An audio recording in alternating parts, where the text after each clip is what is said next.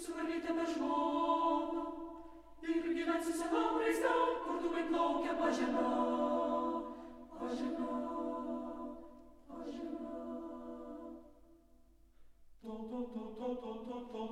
Пішли, ще суши, мама, ти, а сім бар, з тим мішкам,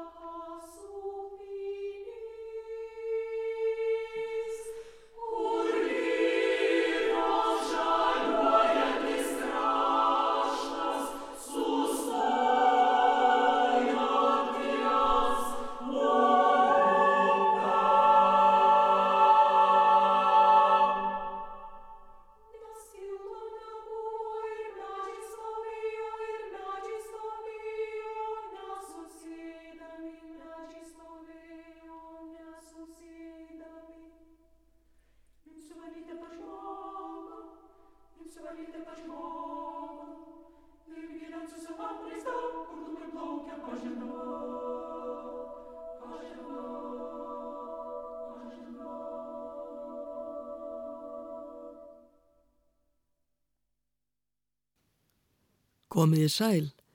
Hér á undan söng Ædía ungmennakórin lægið Misko Varlíte, Littli skóarfroskurinn, eftir litáenska tónskáldið Brónius Kutavísius. Rómualdas Grasínis stjórnaði kórnum. Froskar eru yfirleitt ekki sérlega mikil smetnir. Þeir þykja fremur óásjálegir og það er því nokkuð merkilegt að finna má þó nokkuð af síkildum tónverkum þar sem froskar koma við sögu. Þekktastur er líklega froskakvartettin svo nefndi eftir Jósef Hæden. Nafnið er raunar ekki frá Hæden komið og engar heimildir fyrir því að hann hafi haft froska í huga þegar hann samti lokaþátt kvartettsins en engað síður hefur sömum þótt hljómurinn í lokaþættinum minna á kvaki froskum og þannig er viðurnefnið til komið. Kvartettin er í détur og er sá sjötti í rauðinni af sex strengja kvartettum opus 50 sem hætten samti árið 1787 og tilengaði Fridriki Vilhjálmi öðrum prúsakonungi. Salomon kvartettin leikur nú lokaþátt kvartettsins sem hefur yfirskriftina Allegro con spirito, hratt og fjörlega.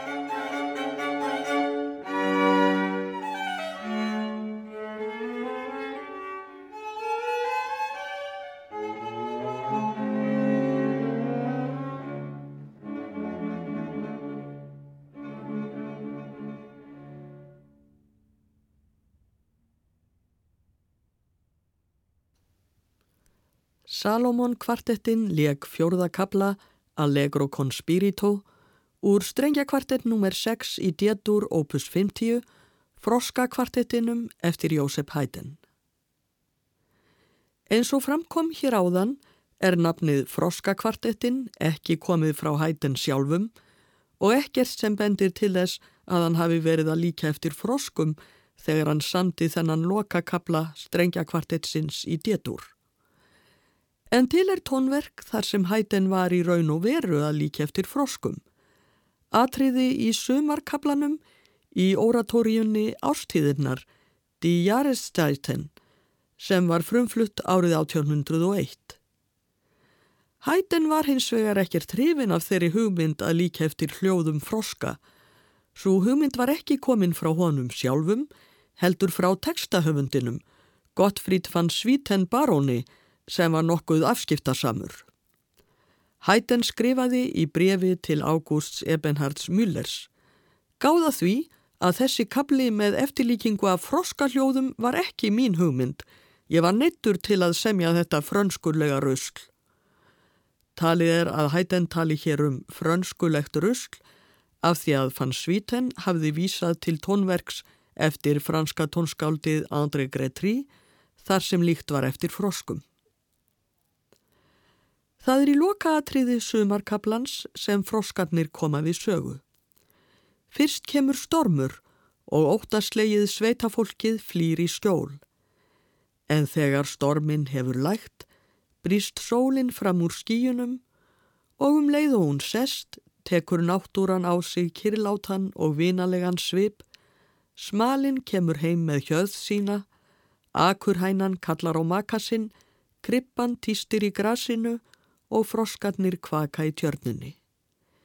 Við heyrum nú stormkórin og lokaatriðið úr sumarkabla ástíðanna eftir Jósef Hætten. St. Martin in the Fields kórin syngur, kórstjóri er Laszlo Heltæ. Einsöngvarar eru Edith Mattis, Sigfrid Jerusalem og Dietrich Fischer-Dieskau. St. Martin in the Fields hljómsveitin leikur, stjórnandi er Neville Mariner. you.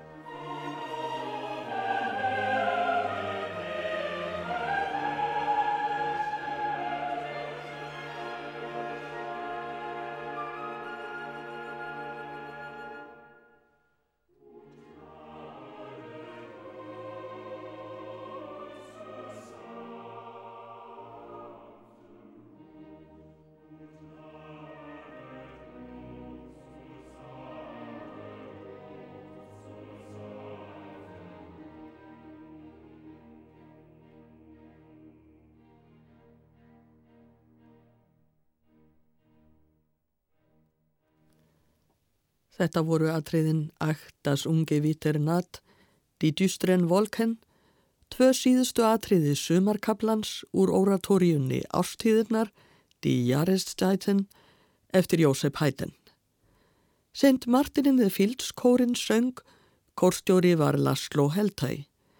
Einsöngvarar voru Edith Mattis, sopran, Sigfrid Jerusalem, tenor og Dietrich Fischer-Dieskau, baritón.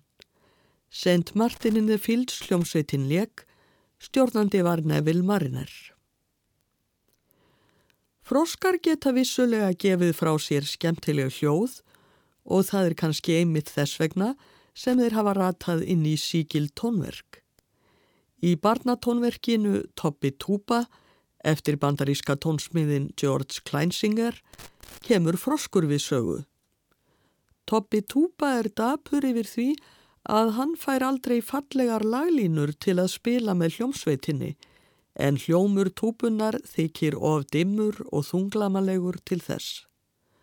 Toppi fer einn út að ganga um kvöld, sest nýður hjá tjörn og er í þungum þöngum. Þá kemur froskur upp úr tjörninni og kennir Toppa sönglaðið sitt. Við heyrum nú samtal Toppa og frosksins. Symfóníu hljómsveit Íslands leikur undir stjórn Páls Pampiklir Pálssonar, einleikari á túpu er Bjarni Guðmundsson og sögumadur Guðrún Þótt Stephensen. í einu stökk stór froskur upp úr vatninu og settist á trjábólinn við hliðin á toppa. Kvakk, kvakk upp, kvakk upp, góða kvöldi, kvakk upp, kvakk upp, ég sagði góða kvöldi, kvakk, kvakk, kvakk, kvakk, ég sagði unaðslegt kvöld. Sæll, bygg upp, sæll, bygg upp, sæll.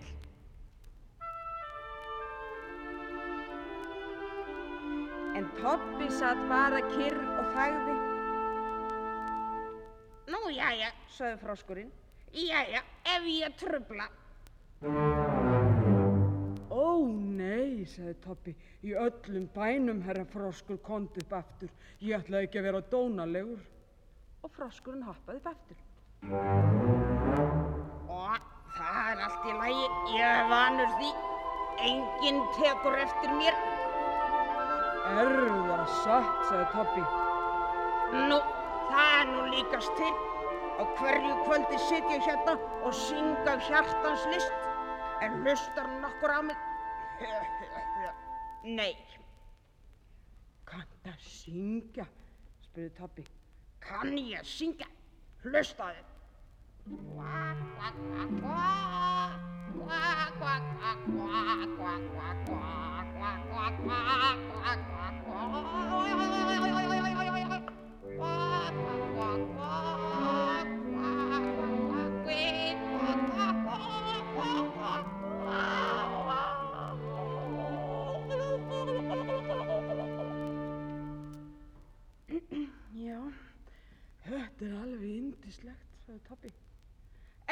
Reyndu sjálfur. sagði froskurinn. Já, þakka þér fyrir, sagði Toppi. Svo til. Þú ert alveg sérlega góð túpa. Veistu það? Kvak.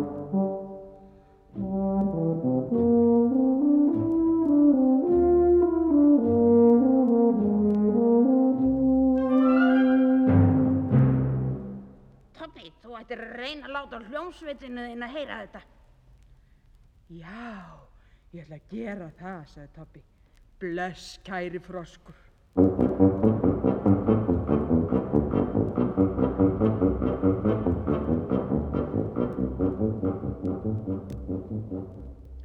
Og Toppi fór heim í sjöunda himni.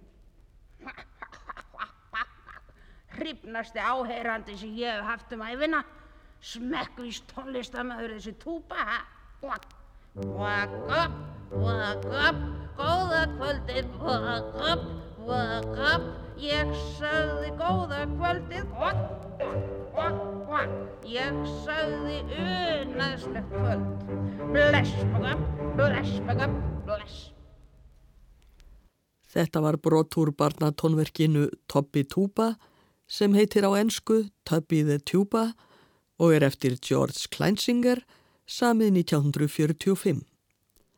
Symfóníu hljómsveit Íslands leik, einleikari á túpu var Bjarni Guðmundsson og stjórnandi Pál Pampikler Pálsson. Sögumadur og jafnframt þýðandi tekstans var Guðrún Stephensen. Til er ennst þjóðlag sem heitir A Frog He Went A Courting en í tekstanum segir frá því þegar froskur byður mús að giftast sér. Árið 1941 samti þýska tónskáldið Pál Hindemitt tilbriði fyrir cello og piano við þetta þjóðlag. Við heyrum nú þetta verk Hindemits í flutningi Sigurðar Haldórssonar celloleikara og Daniels Þorsteinssonar pianoleikara.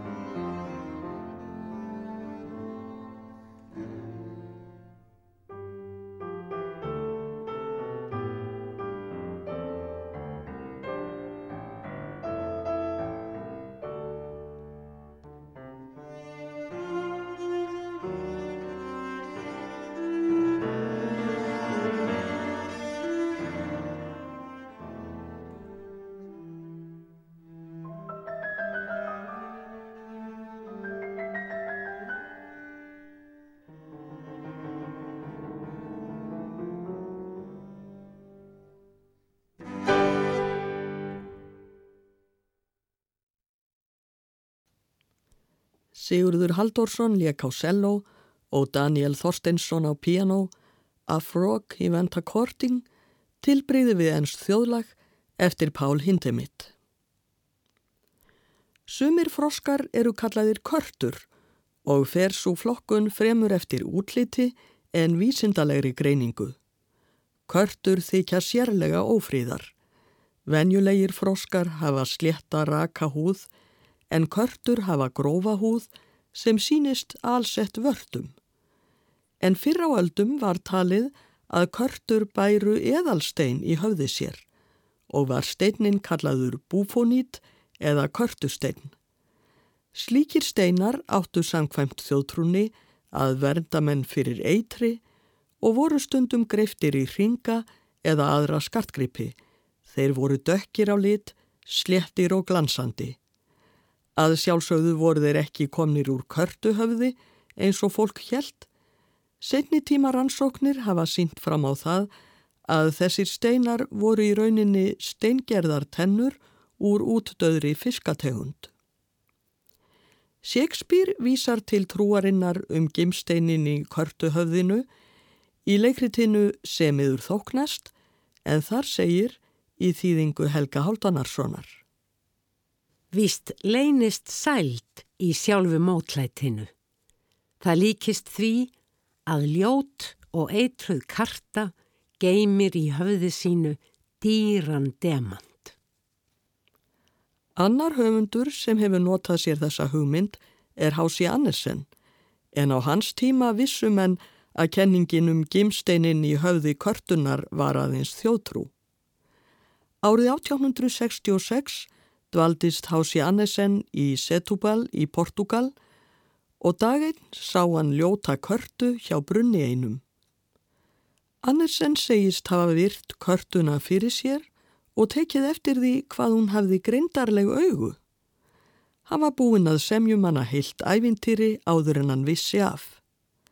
Ævintýrið heitir að sjálfsögðu kartan, skruptúðsen á dönsku. Þar segir frá froskum og körtum sem búa í brunni. Körtumamma hefði geta sagt frá ymsu, en hún svaraði aldrei þegar spurt var og þá var ekki heldur verið að spyrja.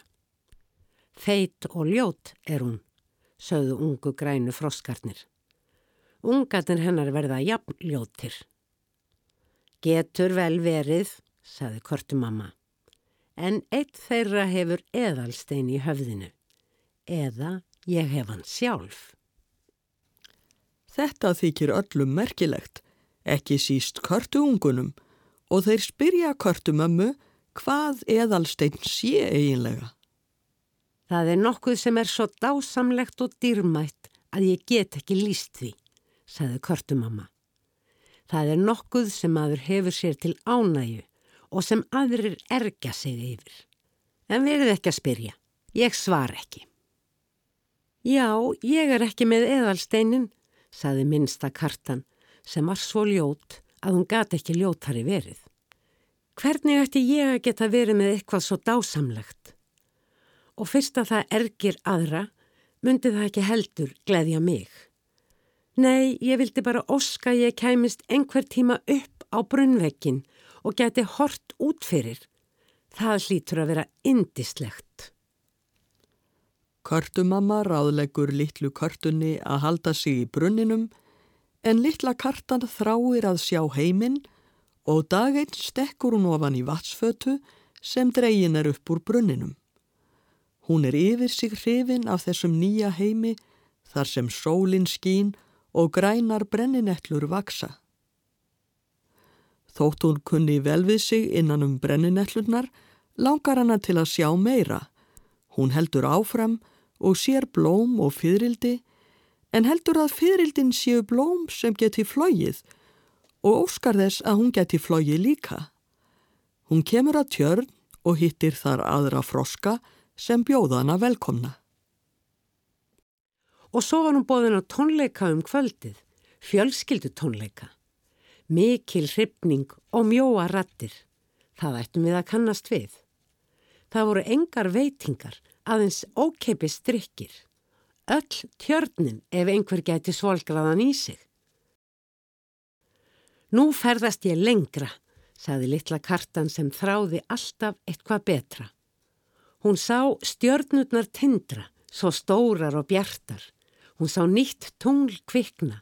Hún sá sólina koma upp og rýsa herra og herra. Ég er vist ennþá í brunninum í stærri brunni. Ég verða að komast herra upp. Ég er full af þrá og óróa. Og þegar tunglið var fullt og kringlót, hugsaði vesælingslitla dýrið. Þetta er fatan sem er sögt niður og sem ég verða að stökva upp í til að komast herra upp. Eða er sólinn stóra fatan? En hvað hún er stór, en hvað hún er gistlandi.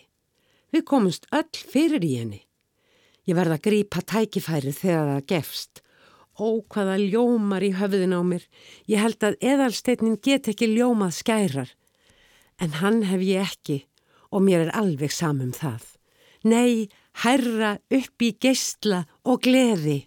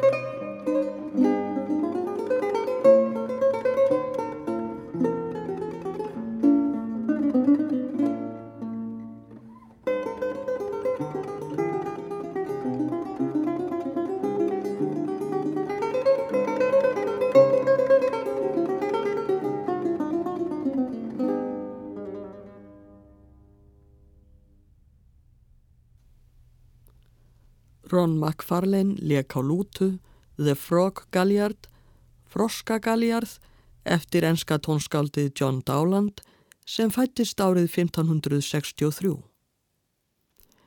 En höldum áfram með ævintýri Hási Annesens um körtuna. Kartan lendir í ýmsum ævintýrum, kynnist til dæmis lirfu og bjargarinni frá því að lenda í hænugokki. En dag nokkur veit að tveir menn körtunni aðtigli. Annar er náttúrufræðingur og hinn skáld.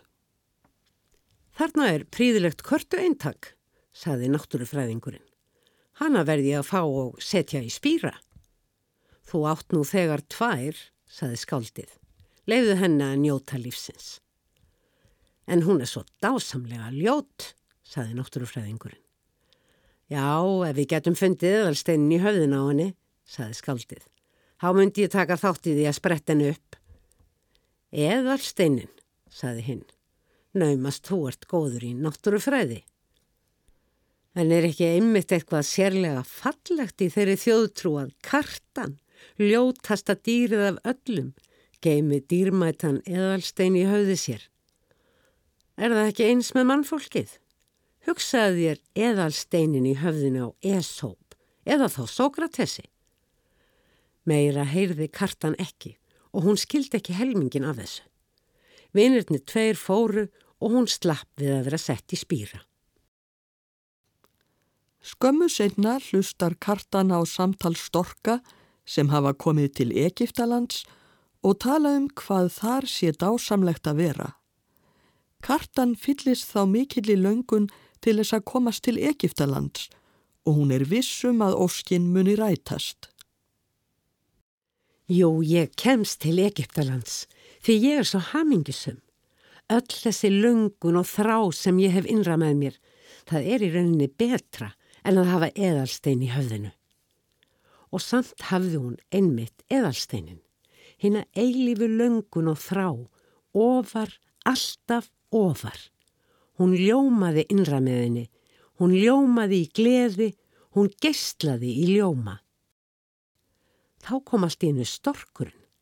Hann hafi séð körtuna í grasinu, lækkaði flugið og tók fremur óþermilega á litla dýrinu. Nefið klemdist um hana, vindurinn kvein, það var ekki þægilegt, en upp sveif hún, upp til Egiptalands. Það viss hún og þess vegna ljómuðu augu hennar. Það var eins og hriki nisti út úr þeim. Kvakk, kvakk! Kroppurinn var dauður. Kartan hafði verið drepinn.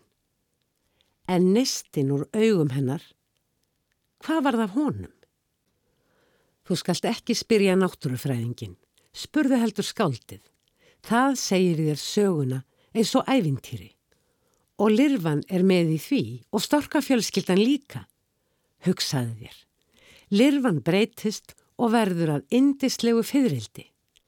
Storkafjölskyldan flýgur yfir fjöll og dali til hennar fjarlægu Afríku og ratar samt stistu leiðina heim aftur til Danmerkur, til sama staðar, á sama hústak. Já, það er næstum alltof æfintýralegt og samt er það satt. Þú getur alveg spurt náttúrufræðingin, hann verður að viðurkenna það og þú veist það líka því þú hefur séð það. En eðalstegnin í höfði kortunar. Leitaði að honum í sólinni. Horðu á hann eða getur. Ljóminn þar er of sterkur. Við höfum ekki enþá augu til þess að sjá inn í alla þá dýrð sem Guð hefur skapað. En við eigum eftir að fá þau. Og það verður indislegasta æfintýrið því við tökum sjálf þátt í því. Þannig líkur æfintýrinu um körtuna eftir Hási Annesen. Og við ljúkum þættinum með læginu Krapó, Karta eftir Roland Manuel. Það er hljómsveitin La Fanfare du Belgistan sem leikur. Ég þakka hlustendum samfélgina, veriði sæl.